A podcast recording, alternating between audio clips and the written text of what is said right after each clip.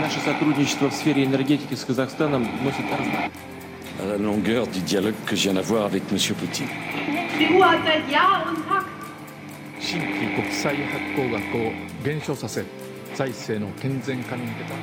Símbolo del fascismo en Sudamérica.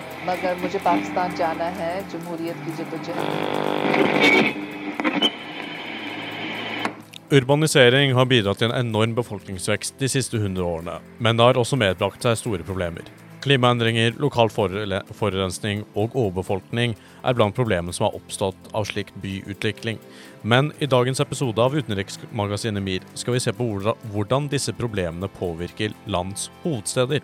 Vi skal diskutere hva som lager behovet for nye hovedsteder, og vi skal se på hvorfor Egypt og Indonesia vurderer å lage nye hovedsteder.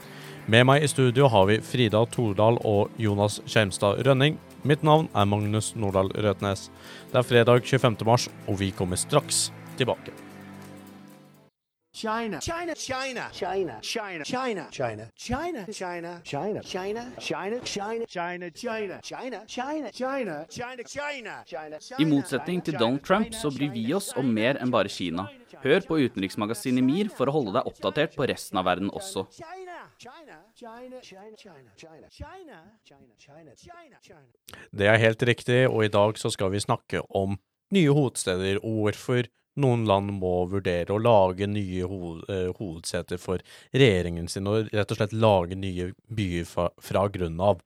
Uh, og det som er viktig med en by, er jo at det er jo først og fremst en geografisk uh, område, egentlig. Veldig geografisk enhet. Så Frida, kan du gi oss litt sånn innsikt i det som er basics her? Hvorfor har en hovedstads geografiske lokasjon, eller en by for den saks skyld, mye å si for den byen? Altså, øh, en hovedstad er jo ofte ja, det maktsentrum et, øh, et land har. Øh, og historisk set har det vært veldig viktig at det geografisk har vært mulig både å handle med det her øh, magtcentrum og forsvare det. Øhm, og derfor så er, er vand, altså hvorvidt det er muligt at komme til byen med skib, øhm, vældig vigtigt. Og også hvordan sådan geografien ellers forholder sig, om der er fjeld og, og sådan, hvordan, hvordan det her ser ud. Altså, hvordan kommunikation med, med omverdenen er.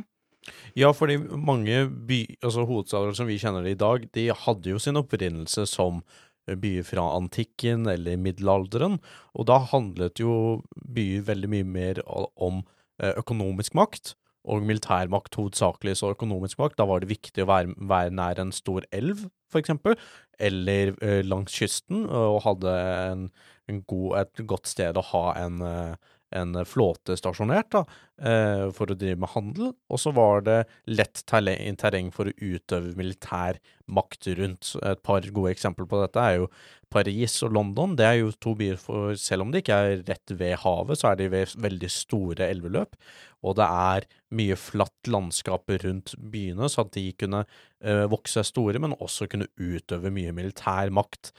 Men eh, Jonas, de forutsetningene for hva som gjorde en god, uh, god hovedstad, endret seg jo litt grann utover århundrene. Uh, kan du liksom forklare til oss hva som ble nye viktige utviklinger fra senmiddelalderen og fram til i dag, egentlig? Ja, det kan jeg gjøre. Eh, jeg får prøve. i hvert fall. Det er jo sånn at verden har gjort det mer komplisert, så er jo egentlig det lette svaret på det. Det er jo flere faktorer, det er større områder, store nasjoner, der det er flere større da, maktsentrum som må, må samle seg om en, måte, en hovedstad, liksom, hva skal være maktsentrumet i, i landet, da, og det nødvendigvis trenger ikke å være den økonomiske eh, hovedstaden. Da. Det er jo flere eksempler på både i USA og Australia, der det er, der det er liksom store byer som har enes om at sånn Istedenfor å gi den ene makta, så gir man det Så bygger man, eller eh, gir en mindre by, da, et, det, det ansvaret for at man forenes om at det her er der eh, makt, eh, den politiske makta skal være, da, ikke den økonomiske. Ja, og, og det er jo også viktig å tenke på, at i de her dager så øh, ser verden øh, klimaforandringer, der, der kan true øh, de her hovedsteder, øh, som før har været magtcentrum. Og der er det også øh, ja, interessant at, at tage i betragtning, at, at en hovedstad er fortsat altså samlingen af magt i et land. Øh, og hvis det bliver troet af, af naturforhold, altså øh, at havet kanskje kan, kan stige og, og sluge en, en by, så øh, er et land pludselig store problemer. Ja, for de lokale forutsetningene endrer seg jo også litt grann nå utover. Altså, det er eh, Det eksisterer jo såpass store byer at de, de sliter med å takle sin egen lokal natur, da. At det, er, det har blitt bygd, bygd så mye utover og så mye rundt eh, og i byene at de de bukker under litt og får de lokale, naturlige forutsetningene, at det skaper problemer i seg selv også. Men det er jo Du var inne på det litt, Jonas, med, med eh, USA og Australia, hvor man liksom lagde egentlig nye byer for å være politiske hovedsteder, med da eksempelvis eh, Washington DC og Canberra, som skulle ha liksom politiske enheten.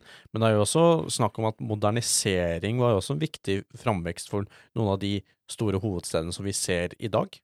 Ja, og da har vi jo et godt eksempel i, i Sør-Amerika med, med Brasil, der man da flytta hovedstaden fra Rio de Janeiro til en planlagt by, da, Brasilia. Og det var jo en stor politisk satsing fra, fra regjeringa, der man ønska å, å skape utviklinga ikke bare langs kysten, men òg innenlands, da. For da jo Da var det jo fra Rio de Janeiro, som er en by som er veldig overfolka, og som har ganske store forskjeller, og som er ganske sårbar for klimatiske endringer da, med posisjonen sin ved kysten, eh, og der det er masse utfordringer bare i seg sjøl. Og da var det en, en, ganske stor plan, og en ganske ja, som flere som vi kommer tilbake til, med der andre har tatt inspirasjon. Da, både Indonesia og Egypt har jo inspirasjon fra, fra det, da, med å, å, planlegge en by for 500 000 der man flytter alt av maktsentrum da, eh, fra, fra, en av de største byene til, til en ny by. da. Ja, og, og netop Brasil hadde jo en utrolig ambitiøs øh, arkitektonisk øh, plan. Altså, det skulle være en veldig flot by, øh, hvilket jo også har noget at sige, at det er ligesom en, et land, og kanskje en, et, et lands øh, leders øh, ja, livsstykke, øh, kan sådan en by blive altså et, et tegn på makt og, og landets position i øh, verden.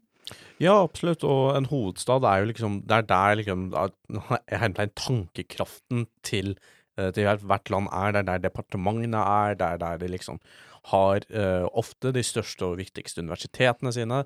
Det er der man liksom skal kunne vise fram landet sitt på, på en måte. Og Brasilia, det er verdt å nevne at det var en by som ble bygd ut og, på 1950-tallet, og har veldig den framtidsoptimismen som de hadde der. Og som du nevnte, Jonas, så var det jo planlagt omtrent i en halv million innbyggere der, egentlig, og det hadde en veldig sånn framtidsrettet og optimistisk byutvikling hvor det skulle se ut som en fugl, ikke sant, som pre pekte framover inn inn i fremtiden, eh, og var veldig sånn spennende arketo altså, arketonisk bygd. Eh, men nå er det jo en by på over 4,3 millioner mennesker, om jeg ikke husker helt feil. Det er jo en befolkning som ikke er langt unna å være like stor som Norge, ikke sant. Så fra å være en by på omtrent 500 000 som man planla, så har den vokst selv ut til å bli over 4 millioner innbyggere. Og det igjen har jo skapt egne problemer for, for den byen. Men det var jo tydelig at det var jo noen veldig politiske eh, grunnlag for å bytte by. Eh, og lage en helt ny by. Og det er noe vi kommer til å komme inn på senere i sendingen. Vi skal se på to eksempler av uh, land som ønsker helt nye hovedsteder. Det er Egypt og det er Indonesia. Uh, av begge av ulike grunner, men vi skal uh, se dem hver for seg. Og så når vi begynner å runde av sendingen, så skal vi sammenligne dem og se hva, hva som er likheter og forskjeller, om vi tror de kommer til å lyktes med prosjektene sine. Men før det så skal vi høre en kommentar laget av vår medarbeider Hanna, som snakker om hva som er de menneskelige og økonomiske kostnadene ved å lage en helt ny by fra scratch. Se me sanciona porque convoco elecciones generales para que el pueblo vote libremente y elija una institución como la Asamblea Nacional Constituyente. Forstår du ikke hva Venezuelas president Nicolas Maduro sier her? Frykt ikke, for utenriksmagasinet MIR rapporterer på hele Latin-Amerika og resten av verden, slik at du kan få med deg de viktigste utenriksnyhetene. Hovedstad høres kanskje ut som et friskt pust for et land. En slags ny start hvor man kan bryte opp etter historiske eller politiske konflikter. Å flytte hovedsted kan være symbolsk, som i Kasakhstan, der hovedstaden ble flyttet i 1997 for å signalisere frihet fra Sovjetunionen og Kina, eller i Egypt som et forsøk på å få politisk, økonomisk og sosial fred etter den arabiske våren i 2011. Samtidig er en hovedstad vanligvis sete for landets viktigste politiske institusjoner, og regulerer økonomi, utdanning og sosiale forhold. Så å flytte hovedstad vil kunne ha både positive og negative konsekvenser. For det første er det jo veldig ressurskrevende å bytte hovedstad. Ny infrastruktur må til, og politiske institusjoner må flyttes. Egypts nye hovedstad var blant annet estimert å koste 58 billioner amerikanske dollar. Og når Russland flyttet sin hovedstad fra Moskva til St. Petersburg på 1700-tallet, skal konstruksjonen ha kostet livet til mellom 30 000 og 100 000 arbeidere. Store naturressurser og landområder går også tapt. Blant annet skal den nye hovedstaden i Indonesia ligge der urbefolkning har tilholdssted. Hvordan en hovedstad er konstruert, vil også påvirke sosiale forskjeller når hovedstaden i Brasil ble flyttet fra Rio de Janeiro til Brasilia, ble den ikke bygget for å huse lavinnkomstgrupper. Byen er dermed preget av uregulerte husområder og tydelige skillelinjer mellom fattig og rik. Samtidig gjorde denne flyttingen til at større politisk innflytelse ble flyttet til den sørlige delen i landet. Hvor hovedsetet i et land ligger, påvirker altså maktbalansen i et land. London og Paris er for eksempel ofte anklaget for å i hovedsak være tilholdssted for eliten, og i liten grad tilkoblet resten av landet. Å flytte en by kan også få negative konsekvenser for natur og miljø og føre til økte utslipp. Flyttingen av hovedstaden i Brasil har for eksempel ført til økt fly- og biltrafikk mellom de to byene. Ny infrastruktur har også ført til nedkutting av Amazonas-regnskogen. Så å flytte en hovedstad kan altså ha både politiske, sosiale, økonomiske og miljømessige konsekvenser. Hei, jeg heter Leiv Marsen Trede. Jeg er instituttleder på Institutt for samling og politikk. Du hører nå på utenriksmagasinet MIR. Da er vi tilbake igjen i studio, og nå, Jonas, så skal vi snakke eh, litt om caset om Egypt og hvorfor egyptiske myndigheter ønsker å flytte hovedstaden sin, uh, hovedstaden sin vekk fra Kairo. Kan du forklare hva situasjonen er uh, dags dato i Egypt? Ja, det er jo en ganske kompleks situasjon, men egentlig ganske enkel også. Det er jo Kairo er den største byen i Midtøsten og Nord-Afrika, og har en befolkning i metropolområdet på rundt 21 millioner innbyggere. Det er ganske masse Det er fire ganger Norges befolkning, da. Ja, det er ganske stort, og eh, hvis, man, hvis eh, regjeringa da ikke gjør noe, så vil det se ut som at det har 35 millioner innbyggere da i 2050. Så det er ganske snakk om ganske stor eh, befolkningsvekst, og det er jo begrensa hvor mange som kan bo i en by. Og Egypt har jo en ganske stor befolkning allerede, som er liksom bor hovedsakelig langs eh, middelhavskysten og ved Nilen, så det er jo veldig begrensa med områder man kan bosette seg i, og da ønsker man jo å få spredd det litt mer, da, og da er jo det kommet eh, en ny strategi fra presidenten, eh, Al-Sisi, tror jeg han heter. Ja, Sisi. Som har plan planlegger en ny hovedstad, eh, og som er en del av en større visjon for, for landet, em, som de kaller liksom Visjon 2030, da, der de skal satse på digitalisering og, og rettferdighet og ja, masse sånne store ord, da. Det egentlig det, det som er planen der. Ja, så har den på samme måte eh, det samme innfallsvinkelen og, eh, og eh, å være like ambisiøs som Brasilia-prosjektet? På en måte. Det, det er jo på en måte litt å ta et oppgjør med historien, da, er jo egentlig hovedfokuset i Egypt. De har jo Det er jo ikke noe mer enn hva ja, ti år siden det var en ganske ille konflikt her med den arabiske våren, som eh, gikk ganske hardt utover Egypt. Der det var eh, president eh, Hosni Mubarak som fikk ganske mye, mye tid og måtte gå av. og det i etterkant så har man da ønsket å, å få modernisert landet da, på mange områder, og, og ta et oppgjør med det, da. Eh, samtidig som man egentlig ikke, ikke gjør det, da. Det er jo kanskje Det er jo på en måte en fin måte å si det på. da. Det er snakk om den visjonen 2030, da, der man skal bygge en ny hovedstad ikke så langt unna eh, eh, Kairo. Det er på en måte i det, eh, det området. Men da der man skal bygge et stort presidentpalass og, og bygge ganske store ting. Da. Det er jo allerede i, i gang, og det er jo Det var jo blant annet når det var Egypt arrangerte håndball-VM, så hadde de, hadde de kamper i den nye hovedstaden, da.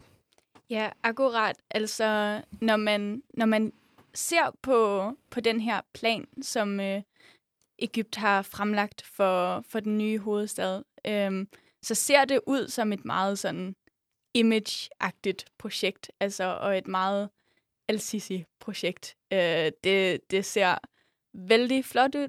Det ligner sådan lidt på Dubai, øh, i sådan flot formationer af, af imponerende bygninger.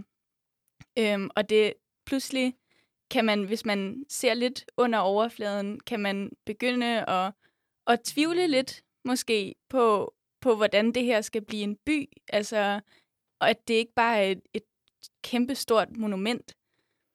Ja, at det blir litt mer uh, bare et administrativt sentrum, og så bor folkene likevel bare i Kairo. Men uh, går tilbake til deg, Jonas, for jeg lurer litt på hva er, altså, hva er lokalbefolkningen sin hverdag og livssituasjon i, i Kairo i dag, og liksom hvordan er det myndighetene forholder seg til det når de skal bygge en helt ny hovedstad? Det er jo, som Frida var inne på, så er det jo en plan for presidenten og hans nærmeste, ikke for befolkninga. Befolkninga i Egypt i dag har ganske store utfordringer med at det er det landet som importerer mest hvete i, i verden. Og det er jo to store hveteprodusenter som er i krig i, i dag, som fører til at eh, den prisen blir ganske satt opp, som har ført til ganske harde konsekvenser for lokalbefolkninga i Egypt. Da. Og da er det bl.a. brødprisen som har stiget med, med 50 da. Og generelt masse eh, matvarer og diverse da, som har økt eh, prisen ganske mye da, på grunn av krigen i Ukraina. Så det er eh, det blir, det blir en slags forskjell mellom hva som er vanlige folks forventninger til, til liv og hverdag, eh, Frida, og hva som eh, myndighetene velger å fokusere på, rett og slett? Ja, altså Egypt har mange andre problemer enn en overbefolkning i Kairo. Og selvfølgelig, Kairo er en, en kaotisk by, som har vokset utover sin kapasitet. Men jeg vil tro, at en vanlig egypter også gerne vil se øh, økonomisk vækst øh, i landet, og, og kanskje øh, at, at der bliver brugt penge på, på befolkningen, og ikke på de her enormt ambitiøse projekter. Øhm, en del af planen for den her nye hovedstad er også, at der skal, den skal give økonomisk vækst inden for, for byggeproducenter og, og sådan i, i Egypt. Men det kan være svært at se den sådan røde tråd i, i hvordan det her skal gavne en almindelig egypter. Når vi kommer tilbake, så skal vi vende blikket vårt eh, ned til Sørøst-Asia og se på Indonesia og Jakarta, og hvordan situasjonen er i Indonesias hovedstad. Mir var en sovjetisk romstasjon som i utgangspunktet var bygget for å vare tre år. Den varte til sammen 16. Som sin navnebror strekker utenriksmagasinet Mir seg ekstra langt for å gi deg det beste utenriksstoffet. Da er vi tilbake igjen i studio, og Frida, nå skal vi snakke om Jakarta og Indonesia. For eh, vi må snakke, se på hva som er de lokale forutsetningene for Jakarta som by, og hvorfor indonesiske myndigheter ønsker å flytte eh, hovedstaden sin vekk fra Jakarta. Så kan du introdusere Jakarta som by for oss, Frida? Ja, altså Jakarta er, er en riktig stor by med, med store problemer, eh, som bare blir større, eh, mens tiden går. Um, det er i dag på vei til å bli verdens største by, altså med, med større befolkning enn Tokyo. Um, mod, øh, ja, og, og 40 procent af, af byen ligger nu under havniveauet. Øhm, Jakarta er en by, som er bygget på, på et sådan sumpområde i et floddelta. Øh, og det vil altså sige, at når øh, indbyggerne har brugt af, af vandet og fra de her floder, så er byen langsomt sunket ned øh, og ligger i dag altså i kæmpe risiko for, for oversvømmelse. Ja, og der, eh, jeg skulle bare finne, prøve å finne litt nøyaktige tall her, og det er eh, bruker jeg dessverre Wikipedia som eh, hovedkilde, og det er jo ikke helt kosher, det, men bare for å gi et innblikk i befolkningsstørrelsen. Det, det siste, den siste store opptellingen som Wikipedia bruker, den var fra 2010-2011, og da bodde ti millioner mennesker der. Eh, og det, i 2011 så ble Jakarta rangert som 17. største byen i verden av eh, 200 store byer. Eh, Et hopp fra 171. plass i 2007. Så på fire år så hoppet de da nærmere over 140 plasser fram eh, i den, i den rekka. Så befolkningsveksten i Jakarta er enorm. Det er eh, en virkelig, virkelig, virkelig stor by som har mange problemer, eh, og det er estimert at befolkningen er på så mye som 35 millioner i 2021. Eh, og Tokyo har litt under 40, om jeg ikke husker feil. Det kan hende at jeg, jeg gjør, men, men mye av byen som du sa, lig, altså 40% ligger under havnivået. Det er her eh, fersk, nei, syv ferskvannselver som løper ut i dette deltaområdet, og alle sammen er forurenset. Det er et enormt logistikkproblem å bare få ferskvann til befolkningen. Det er så eh, nedbygd at eh, veldig mye av lokalmiljøet er forurenset. Det lokale hav, havet er også veldig forurenset, og det er nesten ikke noe fiske der eh, igjen.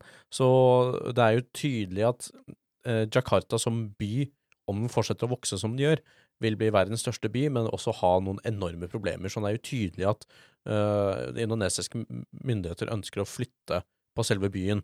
Men Jonas, hva er alternativet de ser for seg? Jo, de har masse store planer. Som, som Egypt så har Indonesia faktisk vedtatt at de skal flytte hovedstaden sin eh, ganske langt, over 1300 km, eh, til øya Borneo, som eh, ikke er kjent for, for hovedsteder, men for naturen sin. Eh, og der skal man da bygge en ny hovedstad, som man kaller da for Nusantara, som betyr liksom den indonesiske storområdet, archipelago-type greier, da, som, der man har en visjon da, om at man skal flytte både eh, mye av maktsentrumet som er i Jakarta, men òg flytte en stor del av befolkningen dit, da, for å, å få det bort, ikke bare fra Jakarta, men òg fra det øya Java, da, som er, har ganske mange problemer i seg sjøl, både som nevnt med, med overstrømmelse. Det er jo flere som sier at eh, man risikerer at hele byen vil være under vann i 2050 på, på grunn av oversvømmelse og diverse. Og Der har man jo starta egne planer også, og det er, og det er jo òg ganske mye vulkansk aktivitet da, i, i området. Det som er veldig interessant med Borneo, er at det er verdens tredje største øy. Eh, det er en enorm, en enorm øy med relativt liten befolkning, delt på tre land som da er Indonesia, Malaysia og Brunei. Er, eh, I år 2000 så var det 16 millioner innbyggere der, så det er en del mer nå. Men uh, i motsetning til de 35 millioner estimerte som bor i Jakarta alene, så sier jo det litt igjen om hva som er størrelsen her. Uh, Borneo er også mer geografisk sentrert midt i Indonesia, som er, et, er en nasjon av store øyer og enormt mange øygrupper. Så det blir jo å prøve å sette byen sin, altså hovedstaden sin, mer i midten av landet, som også er et klassisk eh, tegn som vi snakket om litt tidligere, hvor hvorfor den lokale geografien til en hovedstad har så mye å si, iallfall fra, fra gammelt av, altså at man skulle kunne utøve kontroll. Så dette er en litt mer sånn symbolsk kontroll man ønsker å utøve. Og det er også verdt å nevne at eh, Borneo er også den eneste øya som ikke har vulkaner i hele Indonesia, eh, og da er det heller ikke så veldig stor fare for vulkanutbrudd. Men likevel, det vil jo fortsette å bo ganske mange millioner mennesker i Jakarta, uavhengig om man bytter hovedstad eller ikke. Eh, og selv om man kanskje får med et par millioner til den nye byen, så er jo ikke det sikkert at eh, kommer til å løse Jakarta sine problemer. Så Frida, jeg lurte litt på hva som er tankene om hvordan man skal forbedre Jakarta som by framover? Ja, altså øh, Der er der også store planer, øh, og det er også et stort problem å, å se i øynene og, og skulle redde Jakarta fra, fra havet, blant annet. Øhm, den øh, indonesiske regering har blandt andet øh, kommet med et forslag om at bygge en stor mur rundt om, øh, om Jakarta. Øh, altså, de kalder den øh, Giant Sea Wall. Og, øh, og den skal simpelthen stå foran byen og, og sikre den imod øh, de her, øh, ja, når, når havet stiger, ja, ja, oversvømmelser, når, når havet stiger. Øhm, og det er jo meget interessant øh, og, og lidt bekymrende øh, at have en by, der har en mur som, øh, som eneste beskyttelse mod havet. Ja. Altså, Og det er, det er jo snakk om at man skal også bygge, slik jeg forstår det, øh, boligområder øh, som ligger på vannet ut fra denne muren. Mm. Men det vil jo også være et enormt terroristmål. Ja. Øh, for et brudd i den demningen, da, som det effektivt er, kan jo være katastrofalt for resten av Jakarta. Det er det vi får snakket om akkurat nå på selve Indonesia Jakarta. Når vi kommer tilbake, så skal vi diskutere litt grann hva som kan eh, avgjøre om Egypt og Indonesia lykkes i forsøkene sine. Så du kan mye om norsk politikk? Hva med Saudi-Arabia? Hva med UAE? Hva med Kuwait? Hva med eh, hele Latin-Amerika? Hva med hele Sør-Amerika? Hva med hele Asia? Hva med Japan? Hva med Kina? Hva med Russland? Hør på utenriksmagasinet MIR, og få med deg hva som skjer i resten av verden også.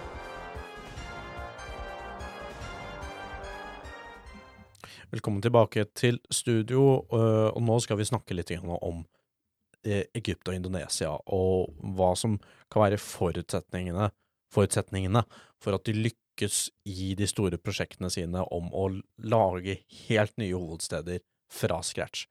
Og Jonas, hva tror du er forutsetningen for at de lyktes, og tror du de kommer til å lykkes i prosjektene sine? Det, det er et veldig åpent spørsmål, og det tror jeg det er mange faktorer som må ha plass der. Men jeg tror jo en viktig grunn til at man lykkes, er jo kanskje for at man må lykkes, at det er så mange faktorer til stede at mm. man har på en måte ikke noe valg, da, og at befolkninga også ser det, at de ser at sånn For at vi skal løse problemene her, så må man faktisk prøve å gjøre noe. Da det å flytte en hovedstad kanskje er en fin måte å gjøre det på, og det er jo i Indonesia sitt tilfelle så er det jo noe man må gjøre. Man må løse utfordringene i Jakarta og på Java, fordi det mest sannsynligvis vil være nesten umulig å bo der da, i, i framtida.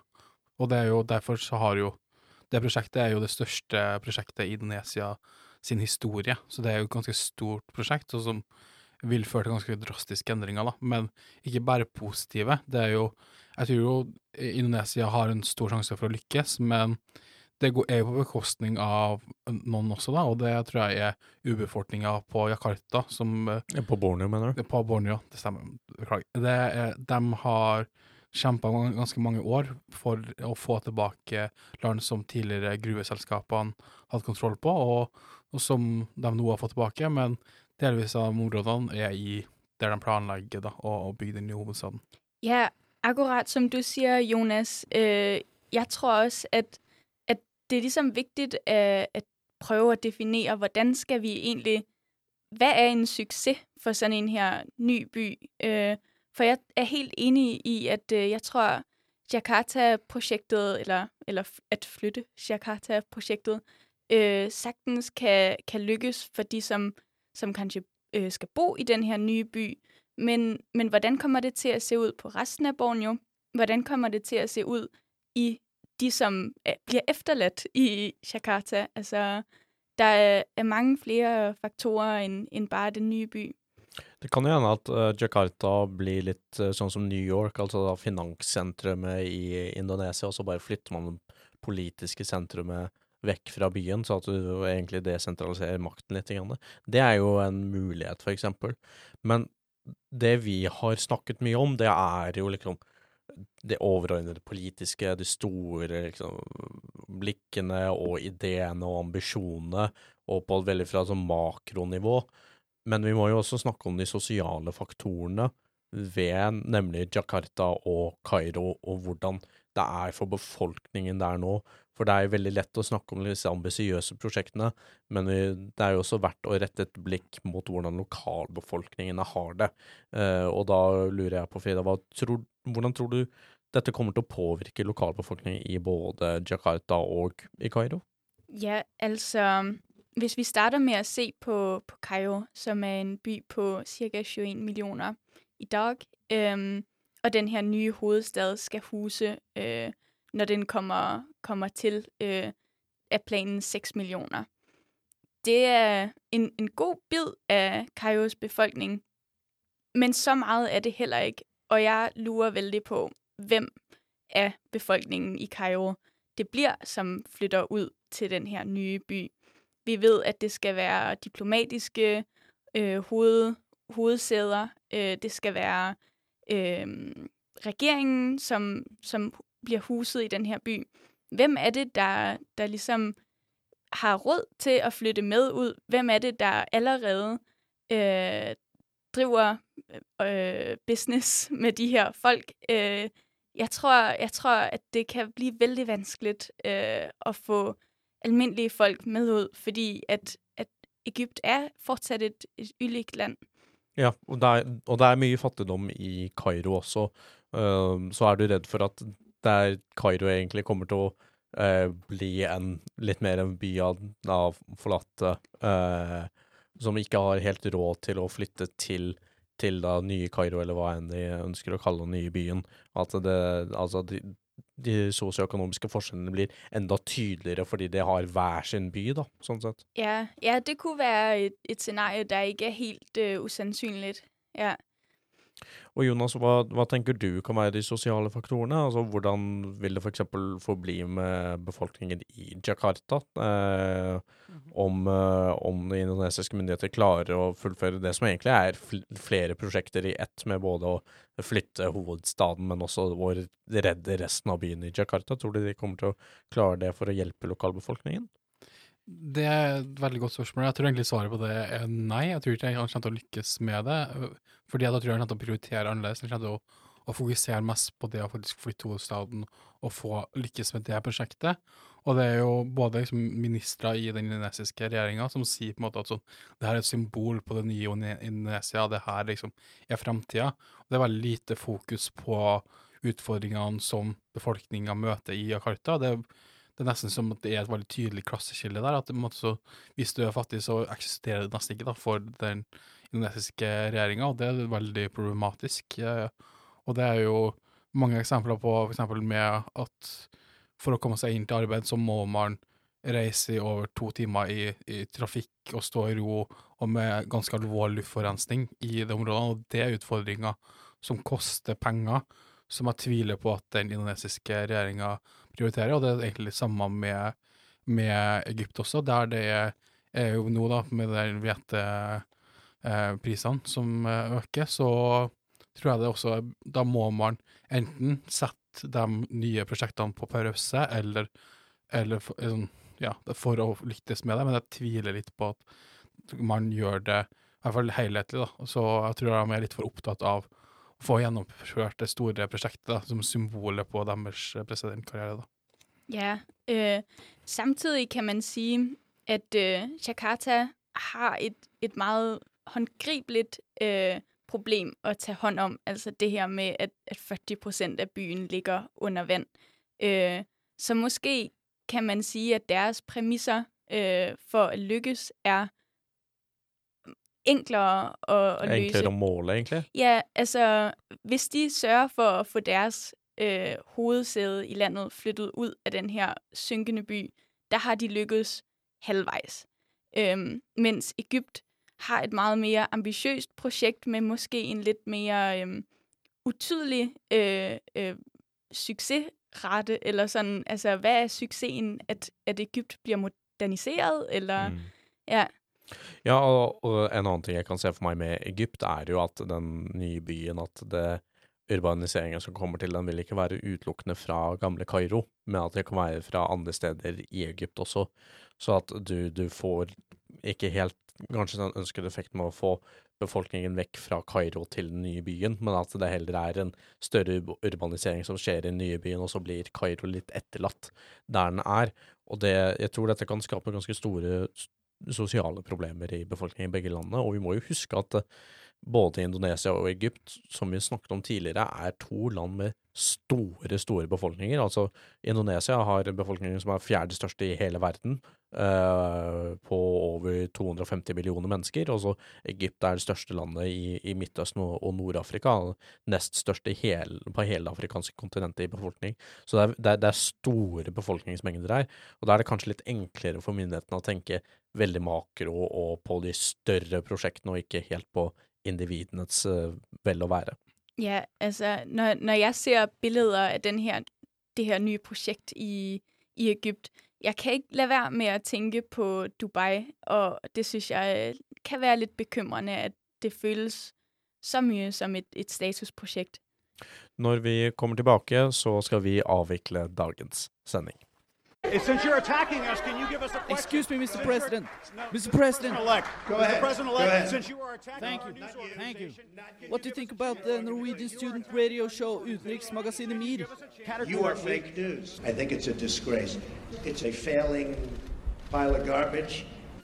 Nådeløs kritikk der fra verdens mektigste mann. Uansett, vi i Utenriksmagasinet MIR jobber hardt for å forbedre oss, slik at vi kan gi deg de aller beste utenriksnyhetene hver fredag fra studentradioen her i Bergen.